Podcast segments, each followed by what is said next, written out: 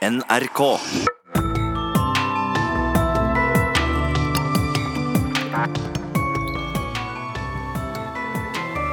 Vi elsker suksesshistorier, men merkelig nok har en av Norges største suksesser i moderne tid gått under radaren og blitt borte i den store nyhetsstrømmen, nemlig havforskningssamarbeidet med Russland om forvaltningen av Barentshavet.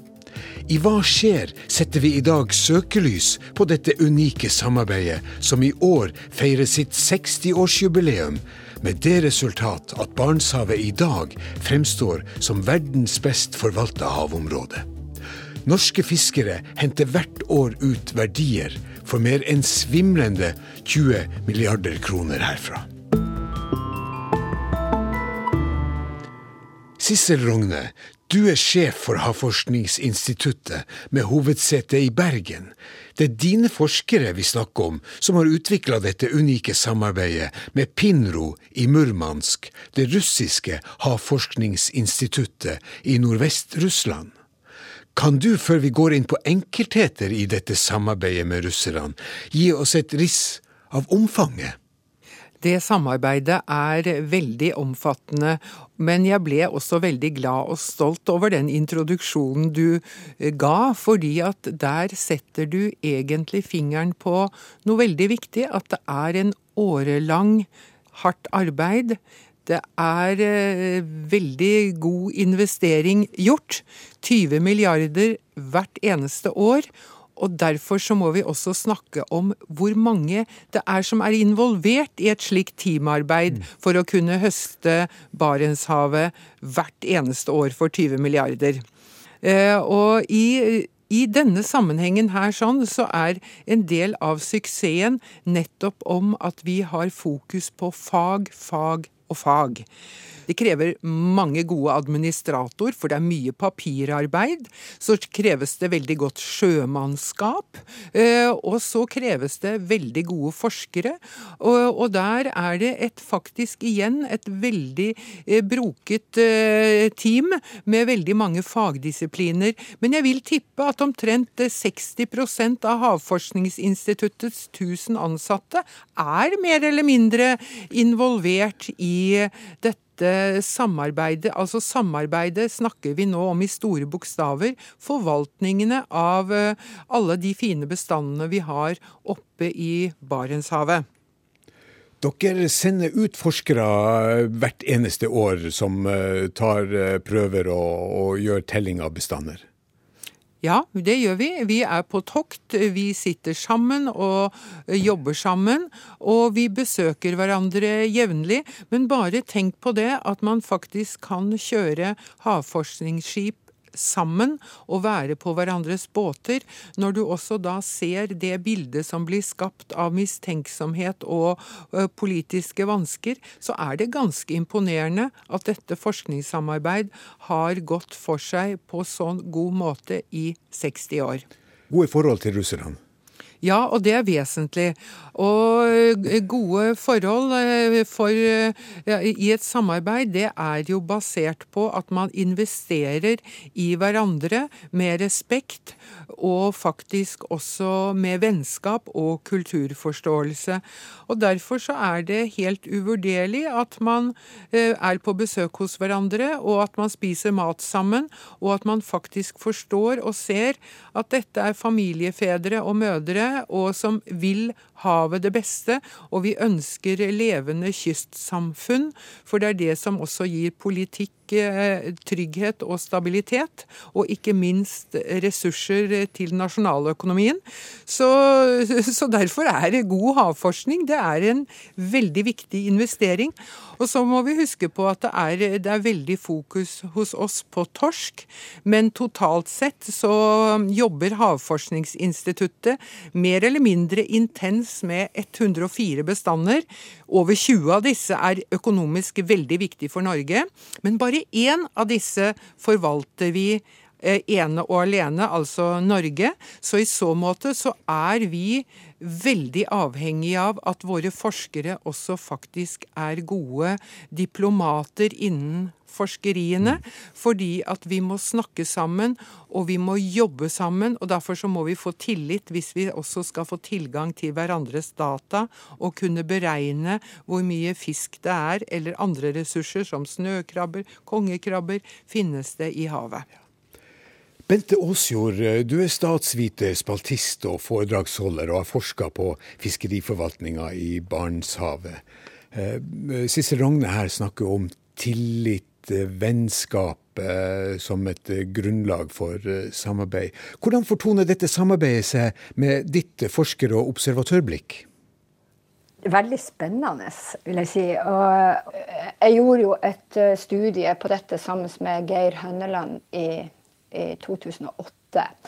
Og da intervjua vi jo både norske og russiske havforskere om dette samarbeidet. Og det var et utrolig morsomt eh, og interessant jobb å gjøre. fordi det, det, vi så eh, på begge sider, var en sånn utrolig sånn genuin interesse av å samarbeide. Og en genuin tillit dem imellom. Det betyr ikke at man har vært enig hele veien. Det har vært store konfliktområder. F.eks. gjaldt dette sildeforvaltninga på 50- og 60-tallet. Der russerne mente at eh, så mye fangst av småsild var ikke forsvarlig, og de fikk jo rett. Russerne hadde også et mye større uh, Altså de hadde tidlig et økosystemperspektiv. Mens eh, vestlige forskere og norske forskere hadde veldig sånn, kvantitativ tilnærming der tall, det var tall som gjaldt. Russerne skrev bøker om økosystemet som de norske forskerne jeg intervjua, sa den gangen så vi bare på det som ord.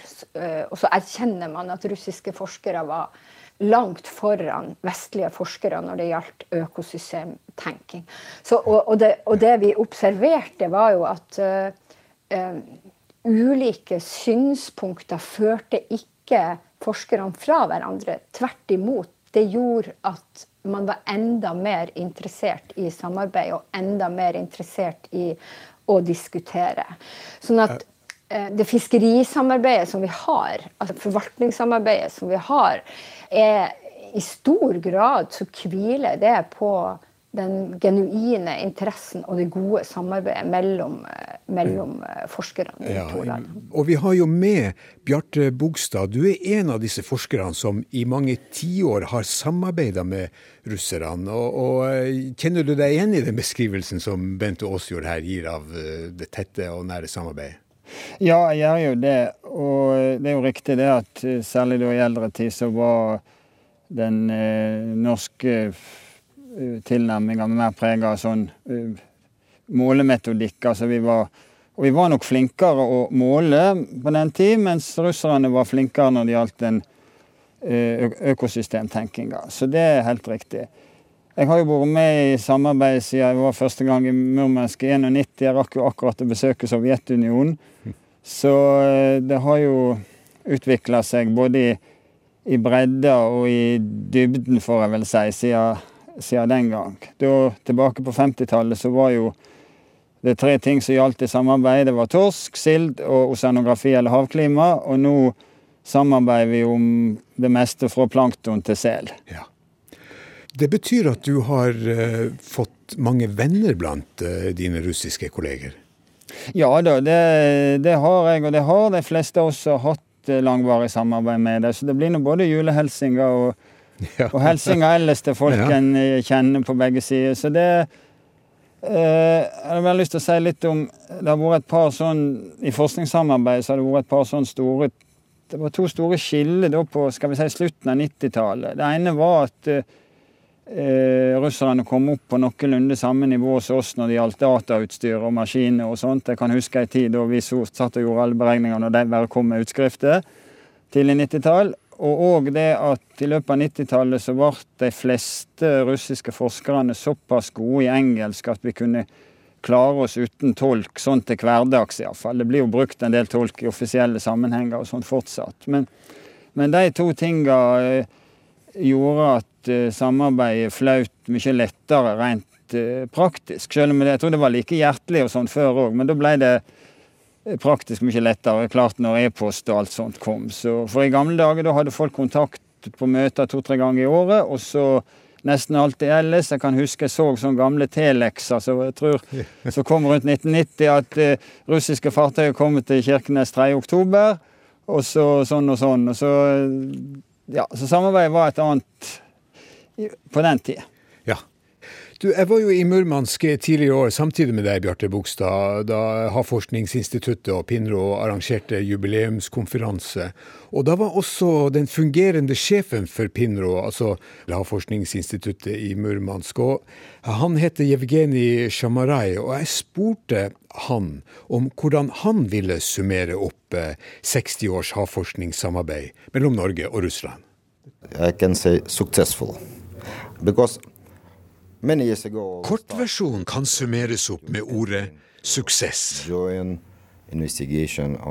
Jeg spør deg videre om hva han syns er den største bragden i samarbeidet mellom Norge og Russland. I can say the probably best knowledge and best uh, situation with stocks and best ecosystem uh, state of the ecosystem in the Barents Sea around the whole world. Bragden er at når vi ser på verden totalt, har vi skapt det best forvalta økosystemet i havet, med god kontroll og bærekraft på alle fiskebestander. I look with a very, I would say, uh, light view for the future. Hmm. If you compare, for example, uh, stock situation in the Barents Sea, with uh, other region, for example uh, North Sea. Jeg ser lyst på fremtida. Sammenligna med andre havområder som Nordsjøen, der bestander har gått ned og i noen tilfeller er ødelagt, så er Barentshavet i godt hold som resultat av god forvaltning. Dette gjør at Norge og Russland er i stand til å kunne utøve en bærekraftig høsting av de rike fiskebestandene i Barentshavet. If we look back on the 60 years, we also had a period of the Cold War. But the uh, cooperation was possible. How was it possible to do this uh, when the political situation was uh, threatening? The first, this is because uh, people have to eat. and the next, Men hvordan var det mulig å samarbeide under den kalde krigen?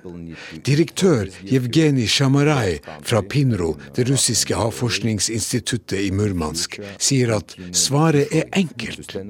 Folk trenger mat. I Barentshavet må byråkrati og politikk komme i annen rekke. And after this, we look for the other, for managers and politics.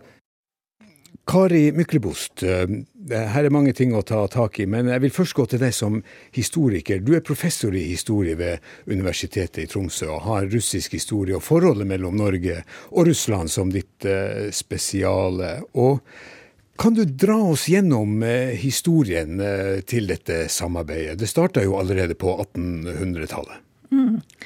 Det er veldig interessant å høre det eh, dagens eh, aktører i feltet sier om situasjonen. For det er jo noen lange historiske linjer i eh, viljen til samarbeid. Det handler jo selvfølgelig om at både Norge og Russland er nordlige stater med store havområder i nord. Og det har vi vært siden midten av 1800-tallet. Eh, Russland har verdens lengste kyst mot Arktis og har veldig stor interesse i å ivareta de her områdene.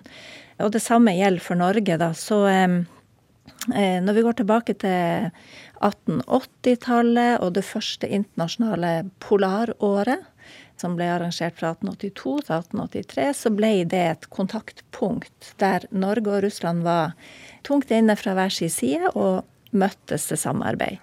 Og der dukker Nansen opp som havforsker? Der dukker Nansen opp som eh, havforsker. Der dukker Henrik Moen opp, som eh, regnes som grunnlegger av meteorologien i Norge og den fysiske oseanografien.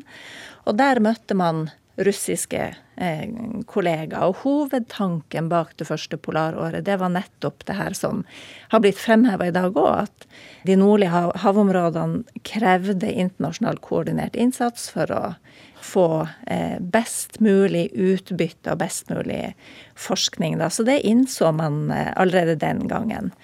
Og da, i 1902, da Det internasjonale rådet for havforskning ble etablert, så var både Norge og Russland igjen veldig aktivt inne og var sentral. Ja, for russ, russerne hadde et havforskningsmiljø allerede? Ja. Norge og Russland var blant de første statene med virkelig interesse for, eh, for havforskning, eh, og la mye ned i de her første internasjonale møteplassene. Og Forstår jeg det rett, så eh, knytta både Nansen og Knipovic, som da var den ledende russiske havforsker, de knytta nære personlige forbindelser og skrev til hverandre og hadde et faglig fellesskap allerede da? Ja. Så det er veldig interessant å gå tilbake i arkivene og se på brevvekslinga og se på eh, nærheten i utvekslinga av eh, fag, altså faglige perspektiver. Eh, Nansen var eh, eh, veldig opptatt av internasjonalt samarbeid. Han blir jo ofte framstilt som en veldig nasjonal figur i Norge med liksom stor nasjonal symbolverdi. Han var den som nesten nådde Nordpolen, ikke sant. Han ble en sånn figur i, og er det fortsatt i dag, i norsk historieskriving. Men Nansen hadde også noen veldig sterke internasjonale perspektiver. Polarforskerne de fremtrer jo i sterke nasjonale farger. Og Nansen i rollen som polarforsker, han er jo inkarnasjon av Norge. Men når det kommer til havforskning, så kommer ikke den i nasjonalistisk drakt, mer i en samarbeidets ånd og i en internasjonal eh, drakt. Ja, det er, det er, helt sant. Eh, og, og, det, og, vi ser jo når, når nordområdepolitikken og arktisk politikk ble viktig, så var det, så var det liksom polfarerne og den mer sånn nasjonalistiske markeringa rundt det som på en måte ble innpakninga, og som på en måte man har brukt for å vise at Norge er en arktisk stat. Men jeg syns jo at historier rundt uh, fiskerisamarbeidet og historier rundt forvaltninga av uh, Barentshavet er en, en, helt annen tilnærming. Der er det hva jeg skal si, et, et um, ja, et vennskap og et samarbeid som, som, har vart veldig, veldig lenge. Og der grunnlaget er en felles interesse av å forvalte disse store fiskeressursene som vi har. Så det er et, det er et veldig godt uh, poeng, syns jeg. Det vi kan se når vi ser tilbake til uh, fiskerisamarbeidet vi har med Russland, så har virkelig kunnskap vært et nav i, i dette samarbeidet, i forvaltninga. Og det har uh, lange røtter, og, og, det handler om en kontinuitet og en utrolig sterk interesse. En genuin interesse blant forskerne som går langt utover det å dele data og diskutere vitenskapen, men det går også ut på å bygge å bygge virkelig tillit. Og jeg, og jeg er jo enig i det som, som Sissel Rogne eh, sier. Og jeg tror nesten jeg skrev det i, i den uh, publikasjonen som Geir Hauneland og jeg laga, at uh, havforskninga må kunne sies på ikke bare som et nav, men det var de egentlige diplomatene i det fiskerisamarbeidet som vi har mellom Norge og Russland, og har hatt. Du, er det noen moral i denne historien her om at uh, vi som polarforskere er mer nasjonalistiske, og som havforskere er vi mer, uh, mer internasjonalt og kunnskapsorientert? Uh, jeg synes at det faktisk Ja, Sissel, Sissel Rogne. Ja. Jeg synes faktisk at det er en usedvanlig god moral, jeg. Hvis du tenker på dette her. Og det, som ethvert godt eventyr, så skal det jo ende godt. Og det, her har vi faktisk en historie der det lønner seg å være skikkelig. Og det er jo en veldig god slutt, eller en god virkelighet, faktisk å jobbe med. Fordi at når man skal ha med de biologiske ressurser kontra f.eks. olje og gass, så er det noe vi har lært. Så er det at dette er det virkelige gullet vi må forvalte. Og da kan vi forvalte en ressurs inn i evigheten. Og hvis du begynner å tenke på 20 milliarder inn i evigheten, så er det her en god økonomi ligger. Og en god forvaltning gir god økonomi. Det er så utrolig det er sånne forvandlinger som skjer i havet nå, og det har det alltid gjort også. Men nettopp det at man ikke noen gang kan sette to streker under et svar. Hvor mye olje ligger det i den forkastningen, kontra det at hvor mye sild og makrell finnes det i havet. Det er altså astronomisk forskjell i kompleksitet. Ja. Sissel, eh, har politikerne egentlig noe å lære av eh, dette samarbeidet som er bygd på tillit? Ja, jeg mener det. Det er for det første er at man må ha et mye, mye mer langsiktig perspektiv enn fire år. Alltingen i vår tilværelse har en tendens til å være i fireårsbolker, enten det gjelder anbud eller andre ting. Her er ti år ingenting. Det gjelder også problemer med forskningsråd eller andre ting. Altså tidsaksen er vesentlig. Likeledes også det er at man har en soliditet i finansieringen av slike institutter. Man kaster ikke om på tokt og tidsserier hvis man skal kunne gjøre solide bestandsestimeringer for forvaltningen av f.eks. Barentshavet, for det er stort og er enormt ressurskrevende. Så Hvorfor har dette samarbeidet med russerne falt under eh, radaren? Har, har, det noen sammenheng med at vi ser alt i fireårsbolker, som du sier?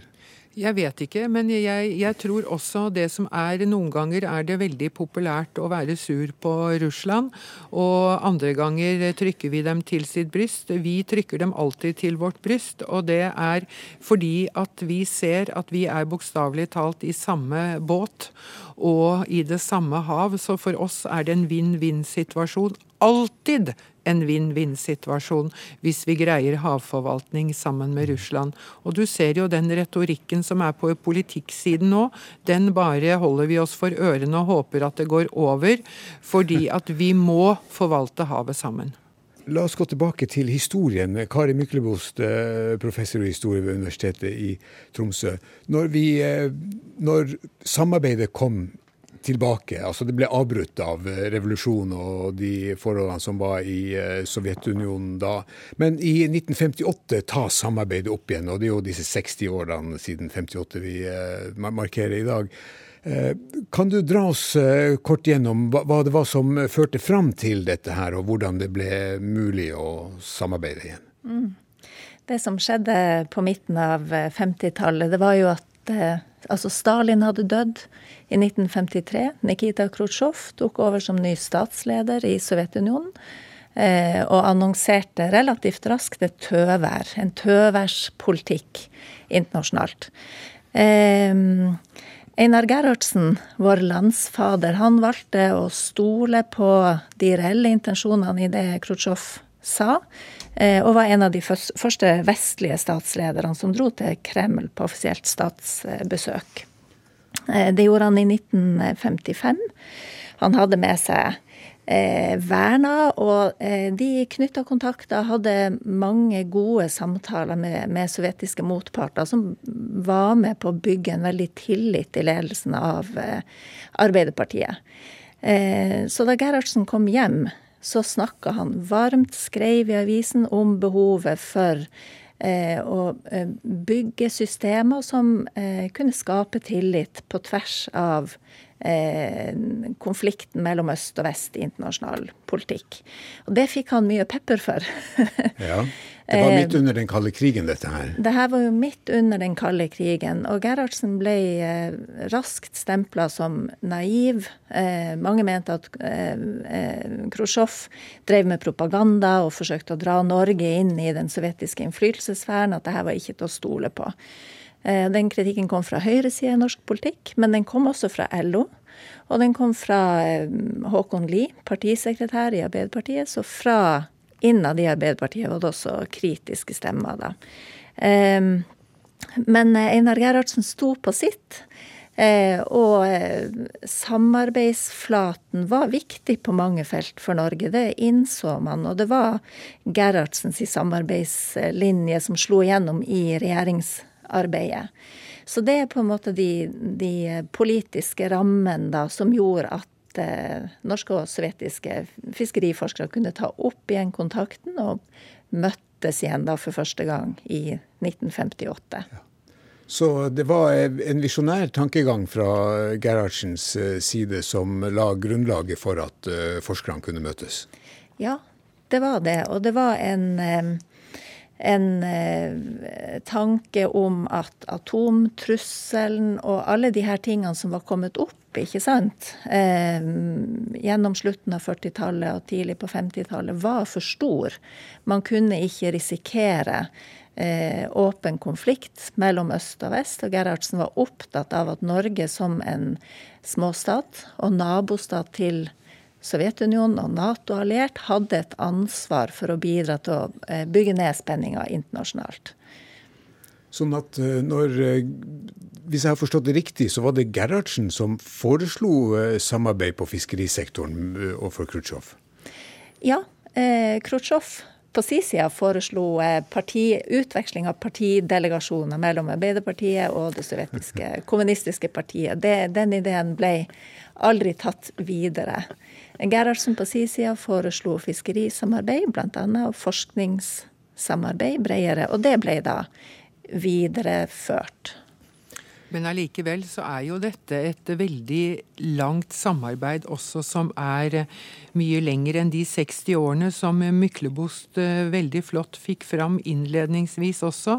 Og det var jo en veldig morsom eh, eh, replikk det at Nansen var jo en utrolig viktig havforsker også, men jeg mener jo han var aller, aller størst som diplomat. Og da vi skulle gi nytt navn til et av våre havforskningsskip, så kunne vi ikke kalle det Fridtjof Nansen, fordi det er et russisk havforskningsskip som heter Fridtjof Nansen. Så det norske havforskningsskipet måtte hete Doktor Fridtjof Nansen.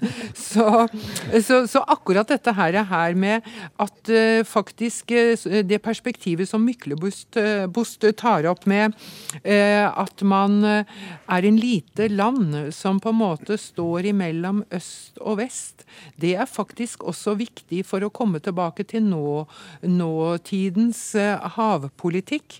Vi ser jo også at regjeringen vår er veldig aktiv med å ta det internasjonale havperspektivet som både Åsjord og Myklebost eh, påpekte. Det er jo nettopp at man ønsker et havpanel. Man vet at alt henger sammen med alt i havet og at man faktisk som liten nasjon, men som en faktisk ganske veldrevet havforskning og havforvaltningsnasjon, så har vi faktisk gehør i mange leire. Og det er veldig viktig om vi skal gjøre en god innsats for havet, og det må vi gjøre nå i nåtid for å bevare fremtiden.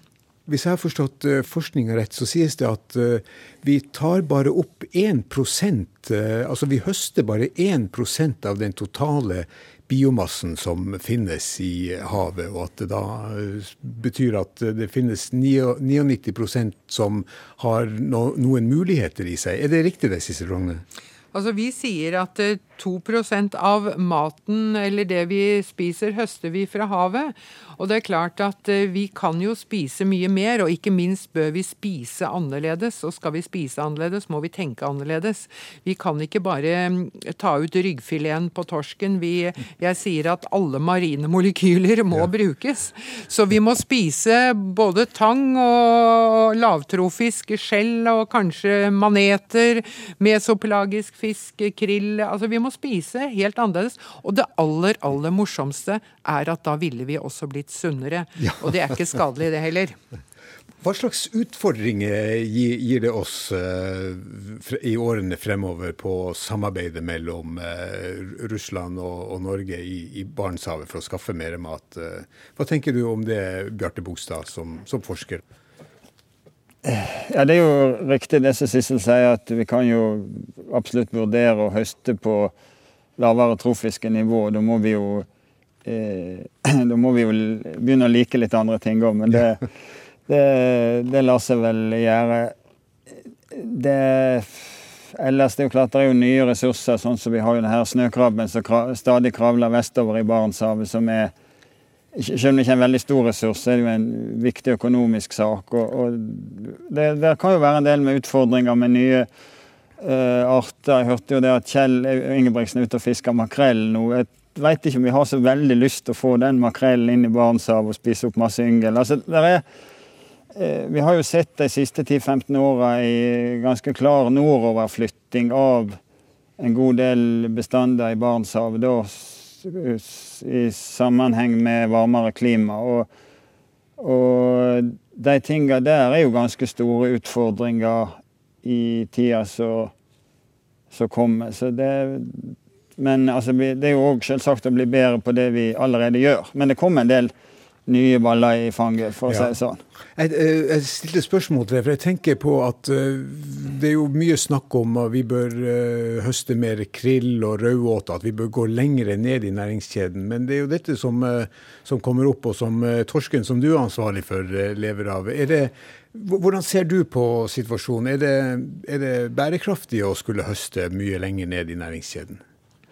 Det er klart jeg kan høste bærekraftig for så vidt på, på alle nivåer, men du kan ikke få, helt, kan ikke få både i pose og sekk heller. Du kan ikke høste veldig hardt på, på alle nivåer. Og nå er det jo, eh, Hvis du leser mellom linjene på stort, forskjellige stortingsmeldinger, så står det egentlig at uh, torsk har prioritet, selv om de ikke skriver det rett ut. Så er det, det er liksom så, og, og, skulle det forandre seg, så uh, vil jo gjerne forvaltninga forandrer seg òg. Men uh, på den annen side, vi, selv om vi ikke høster så mye av sel og hval, så er vi jo ikke akkurat på tale å, utrydde dem heller. Jo, men på det nivået der er det jo ikke særlig mye biomasse en kan en kan høste da. Men uh, det er jo òg et uh, Det med sjøpattedyr er jo òg et litt politisk vanskelig tema. Ikke akkurat med Russland, da, men ja.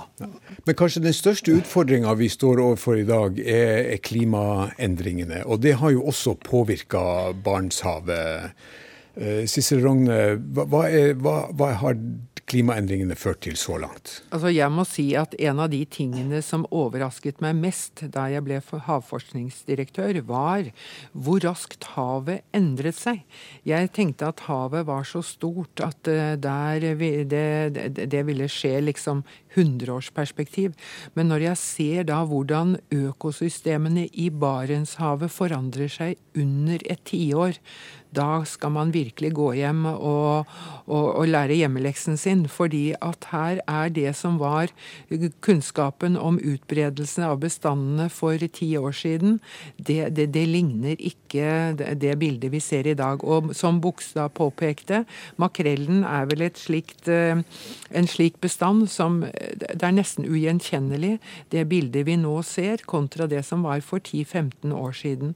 Og Derfor så må vi virkelig passe på at vi har orden på tidsseriene våre, at vi kan måle de forandringene for å ta de kloke beslutningene. Fordi at spesielt det er enda, enda vanskeligere å gjøre en flerbestandsforvaltning. For sånn som Bjarte sier, er torsken førsteprioritet, vel, så har det veldig mange andre konsekvenser. Og oppi alt dette her så ser vi altså hvordan hele næringsnettverkene forandrer seg.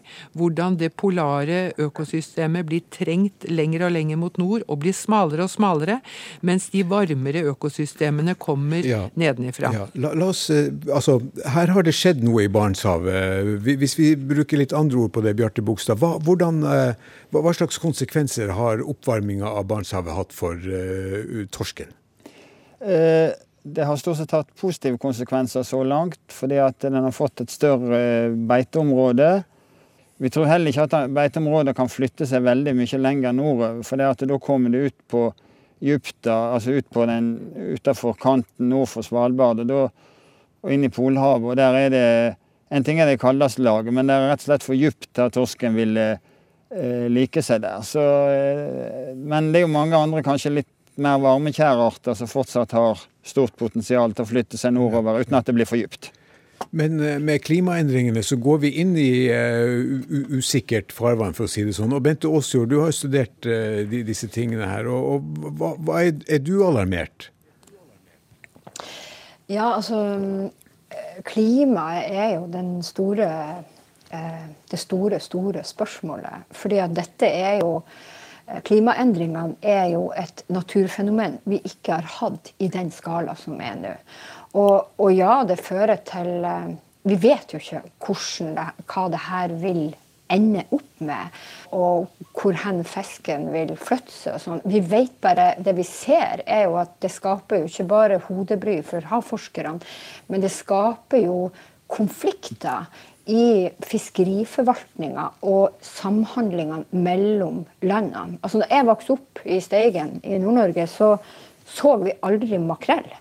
Nå så er makrellen han er observert med Grønland og Svalbard. Og utbredelsen av makrell, eh, og for så vidt også sild, har jo ført til konflikter i kvotefordelinga Eh, den etablerte kvotefordelinga som er mellom landene. Fordi det er flere land som, som skal ha hver sin bit. Og så, eh, og så, blir, så får de landene som har mest sild eller makrell, de får den største kvoten osv. Og, og når det her når fisken flytter på seg, bestandene flytter på seg, så blir det kaos i fiskeriforvaltninga. Og det gjør jo at, man, at flere land ikke har forholdt seg til de totalkvotene som, som de er henvist til. Så, og, og, dette er jo, er jo, bare ett eksempel på at, at eh, klimaendringene fører til, til eh, politiske problemer. Eh, et annet tema som, som, ikke er berørt her, er jo at vi er jo nå inne i en sånn sikkerhetspolitisk og geopolitisk internasjonal eh, ulvetid, hvor mistilliten øker, og hvor Eh, hvor man ser at flere institusjoner er under press. Forholdet til Russland ganske, er ganske kjølig. Og dette er ikke bra for Norge i, i, en sånn langsiktig tenkning rundt fiskerisamarbeidet med Russland. Så som Sissel Rogne sa, så håper jeg jo at uh, tilnærminga til Russland som denne regjeringa velger, ikke fører til et kjøligere fiskerisamarbeid. For det, er, det vil være veldig veldig skadelig for ja, Norge. Ja. Altså Fiskerisamarbeidet med Russland er jo det, det, største og viktigste og mest lengevarende samarbeidet vi har hatt med, med Russland. Og, og Norge er verdens tiende største fiskerinasjon i volum. Så her er det mye som står på spill.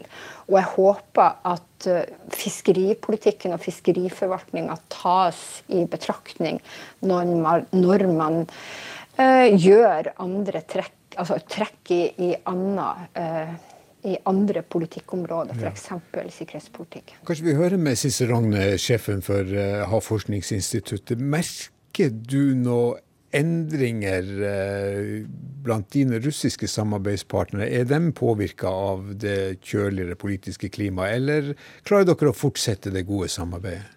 Eh, altså Etter erfaringen i Murmansk i, i, begynnelsen av juni vil jeg nok si at eh, det er veldig, veldig hyggelig å oppleve det gode samarbeidet. Og det er klart at uh, man snakker lite politikk, og det er vel kanskje en av kjernen til at vi har et godt samarbeid.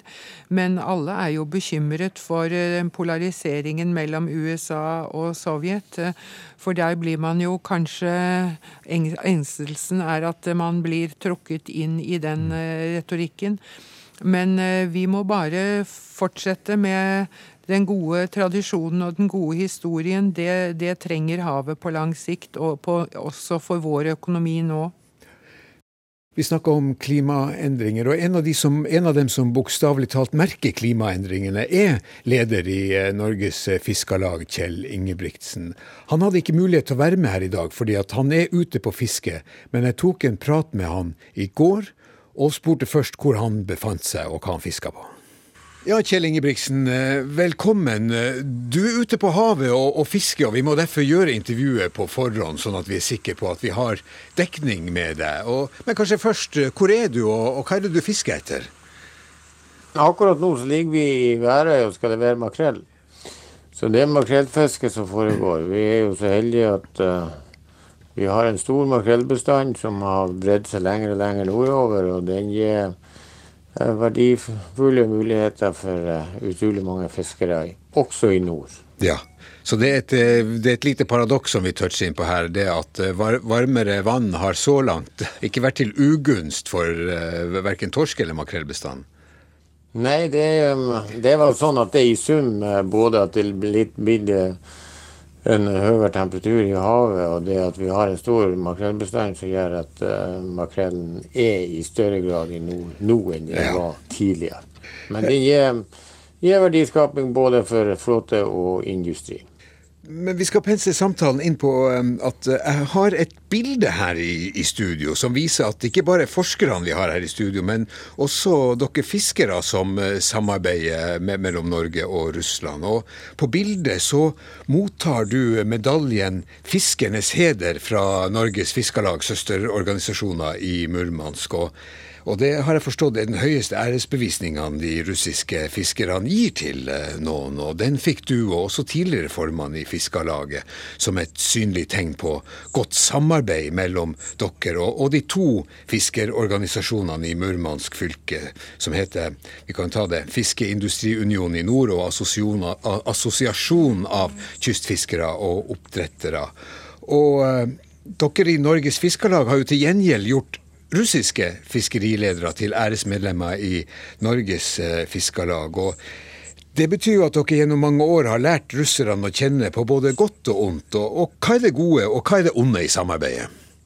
Nei, jeg vil jo si, For det første så vil jeg si at jeg setter jo veldig stor pris på å ha fått den utmerkelsen jeg har fått i, fra våre russiske venner der, der, borte. Og eh, når det gjelder samarbeidet med Russland og de fellesbestandene som vi har oppe i Barentshavet, så vil jeg si at det er helt avgjørende for den suksessen vi har hatt med at vi har sterke bestander. Men det at vi har fått eh, den stabiliteten vi har, det at vi har fått mulighet for å ta vare på bestandene på en uh, sånn måte sånn som vi gjør i dag, det er helt uh, klart det som er den store suksessen med, med samarbeidet. Og det vil også være helt avgjørende for, for framtida.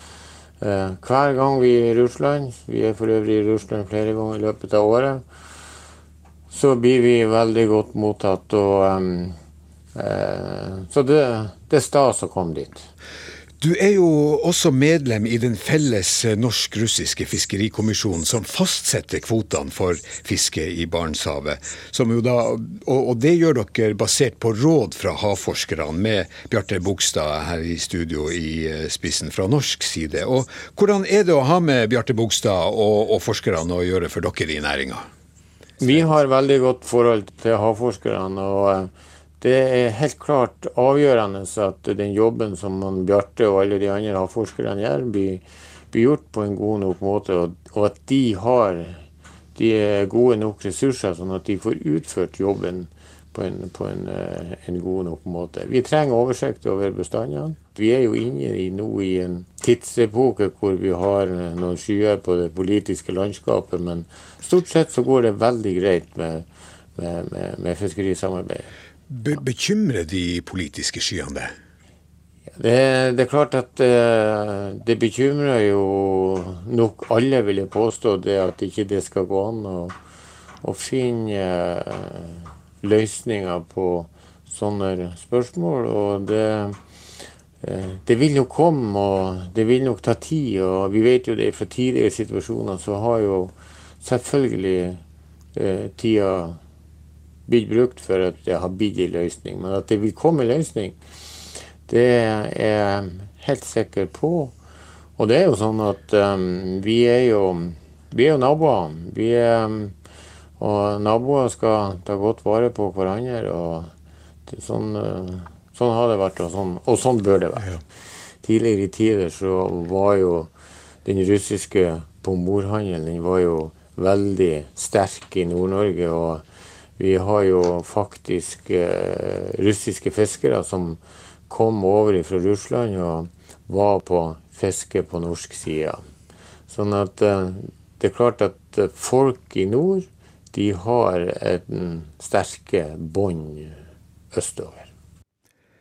Ja, vi hørte leder i Norges Fiskarlag, Kjell Ingebrigtsen. Han hadde en del av de samme pro problemene og fokusområdene som også dere eh, forskere. Men eh, først til deg, Kari Myklebost. Eh, Kjell Ingebrigtsen nevnte pomorhandelen. Er det ekstra sterke bånd mellom Nord-Norge og Nord-Russland? Ja, det tror jeg vi må kunne si helt, helt klart ja. Eh, og det har vi sett de siste 25-30 årene på, på, mange felt.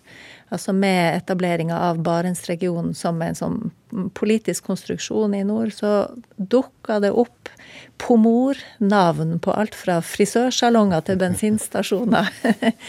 og ikke bare i Øst-Finnmark, men, eh, men, i eh, Finnmark og og eh, selvfølgelig den russiske innvandringa til Nord-Norge de siste 25 årene har vært betydelig og et viktig innslag i veldig mange nordnorske lokalsamfunn.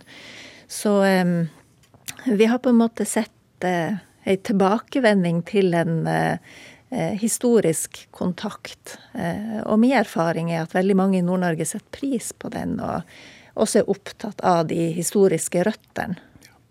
Eh, Bente Aasjord, tror du at eh, denne pomoridentiteten og dette samarbeidet vi har mellom Nord-Norge og Nordvest-Russland, at det er noe som kan eh, sive opp i, i den politiske kulturen i, i, Norge og i Vesten, eller vil vi forbli et, en, en liten brikke? Det er vanskelig å si, men altså det som den uroen som er internasjonalt nå, og som er det langs Det er flere sånn drivere som skaper uro. Det ene er liksom usikkerheten knytta til klima, som vil ha store politiske konsekvenser. Det andre er den uroen som nå er knytta til forholdet mellom Vesten og Russland, eh, der Russland er mer selvhevdende, og der Vesten er mer og mer hva skal jeg si,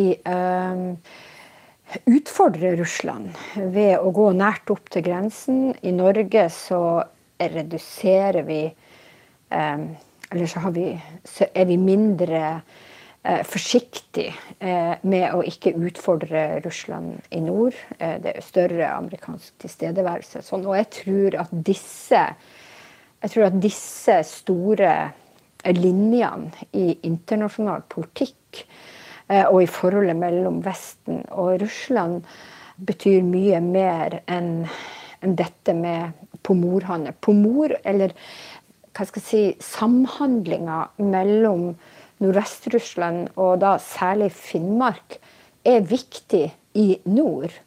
Men jeg tror dessverre ikke det er viktig i det geopolitiske eh, bildet. Så eh, det er, nå, foregår det jo en debatt om bl.a. basepolitikken og andre spørsmål. og vi er i ei sånn ulvetid i internasjonal politikk. Det er mye som er uforutsigbart. Så jeg er litt bekymra. Men jeg tror jo det Sissel Rogne sier, det å fortsette den, den eh, kontinuiteten man har hatt i eh, forskningssamarbeidet og det å drive forskning som man har gjort eh, gjennom i, i, 60 år. Og det at eh, det norsk-sovjetiske fiskerisamarbeidet faktisk ble unnfanga under jernteppet det viser jo at man har vært i stand til å holde en kontinuitet også i andre ulvetider. Så uh, vi må holde fast på det. ja, eh, Sissel Rogne, dine folk har jo blitt uh, karakterisert som de, de, virkelige diplomater som har klart å holde døra åpen også gjennom tida da vi hadde et jernteppe. Ja, og det er jeg kjempestolt av. Og jeg vil virkelig påpeke at selv om vi noen ganger får eh, den ene og den andre skyllebøtten over oss, eh, så vil jeg bare si at eh, det, vi må bare stå han av, fordi at havet forandrer seg utrolig. Og, og vi har ikke veldig god tid hvis vi bokstavelig talt skal sørge for at havet har matvarekvalitet. Og da er jeg veldig eh, opptatt av at vi faktisk skal bruke de gode eksempler. Og her er havforskerne våre de gode eksempler sammen med russerne. Eh, som eh, da gjennom eh, bølgetopper og bunner har greid å jobbe sammen. For vi trenger gode eksempler i nærmest håpløshetens tid. Og da er det viktig at vi både forklarer at det nytter, og forteller hvordan vi jobber sammen, og faktisk også at det er god økonomi i en bærekraftig ressursforvaltning. Og, og, nettopp det tror jeg er veldig viktig å se, at det lønner seg å forvalte havet, rene og rike hav, inn i evighetsperspektivet.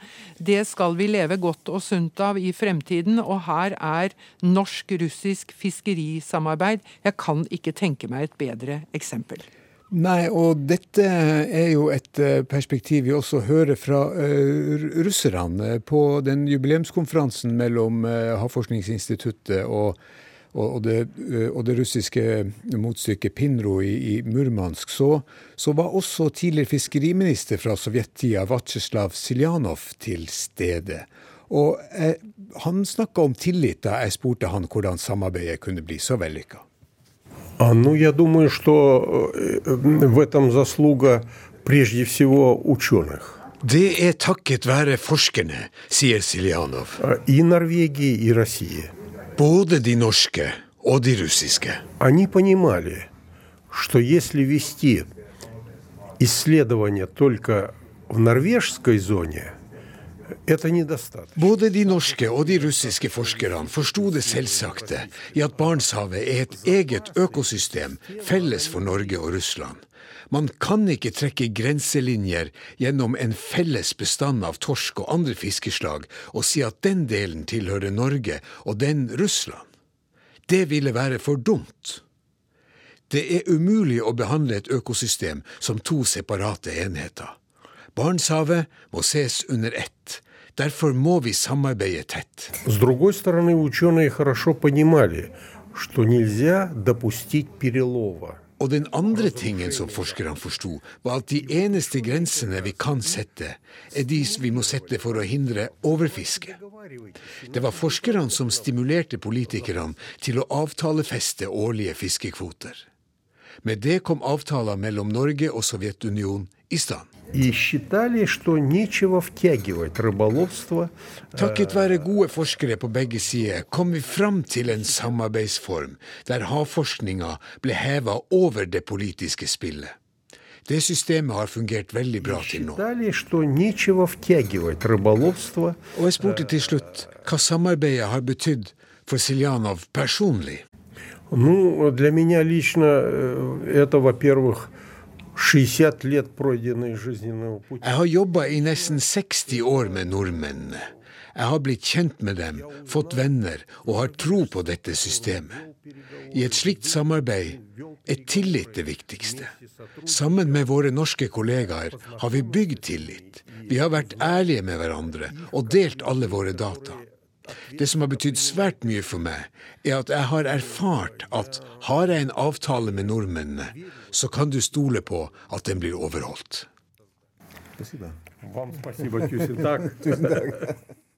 Ja, det var en uh, munter Siljanov som, uh, som understreka dette med tillit og vennskap. Uh, Bente Aasjord, hvis du skal se framover det norsk-russiske samarbeidet, er det, er, er det, lyst? Ja, altså det er jo Det har jo vist seg veldig slitesterkt. Um, uh, og jeg tror det er, uh, som flere har vært inne på, det er det, de, den lange tidslinja, den felles interessen og den tilliten som er bygd opp Eh, på hver side og mellom eh, forskerne, som er det som er selve limet. Så eh, de studiene som jeg gjorde på det norsk-russiske havforskningssamarbeidet, det var utrolig interessant. Og jeg visste ikke at det var så, at det var så lenge, og at det var så hva skal jeg si, grunnleggende, og at det også etablerte en sånn personlig tillit mellom forskerne. Og jeg tror det er et lim som må tas vare på, og som må pleies. Og som eh, Hvis det skjer, så får vi håpe at dette holder riktig lenge. Ja, helt til slutt, Sissel Rogne. Kjenner du deg litt så også, har, eller har du lyst til å være litt mer sånn ambassadør for tillit og, og fred eh, og, og, og bedre forbindelser mellom øst og vest? Ja, og jeg syns jo egentlig at uh, i så måte så er det ikke noe som er mer gledelig enn å være nettopp en havforskningsdirektør. Fordi at det er en av de viktige rollene vi må ha. Det er å fortelle at vi er faktisk i samme båt. Uh, og ikke nok med det, men havet er faktisk jordens lunger og termostat. Så vi må faktisk oppføre oss ordentlig, for vi skal ha mat på bordet, og den skal være sunn, og vi skal ta vare på jorda. Og da må man være diplomat, og så kan ikke alle eh, få det akkurat som man vil. Vi må kompromisse. Så kamelspising er en undervurdert sportsgren eh, i så måte. Det er også noe vi er kjent med med kvoteforhandlinger. Og da med denne eh, hyllest eh, til tilliten og det muliges eh, kunst, så avslutter vi Hva skjer for denne gang. Vi er tilbake neste søndag.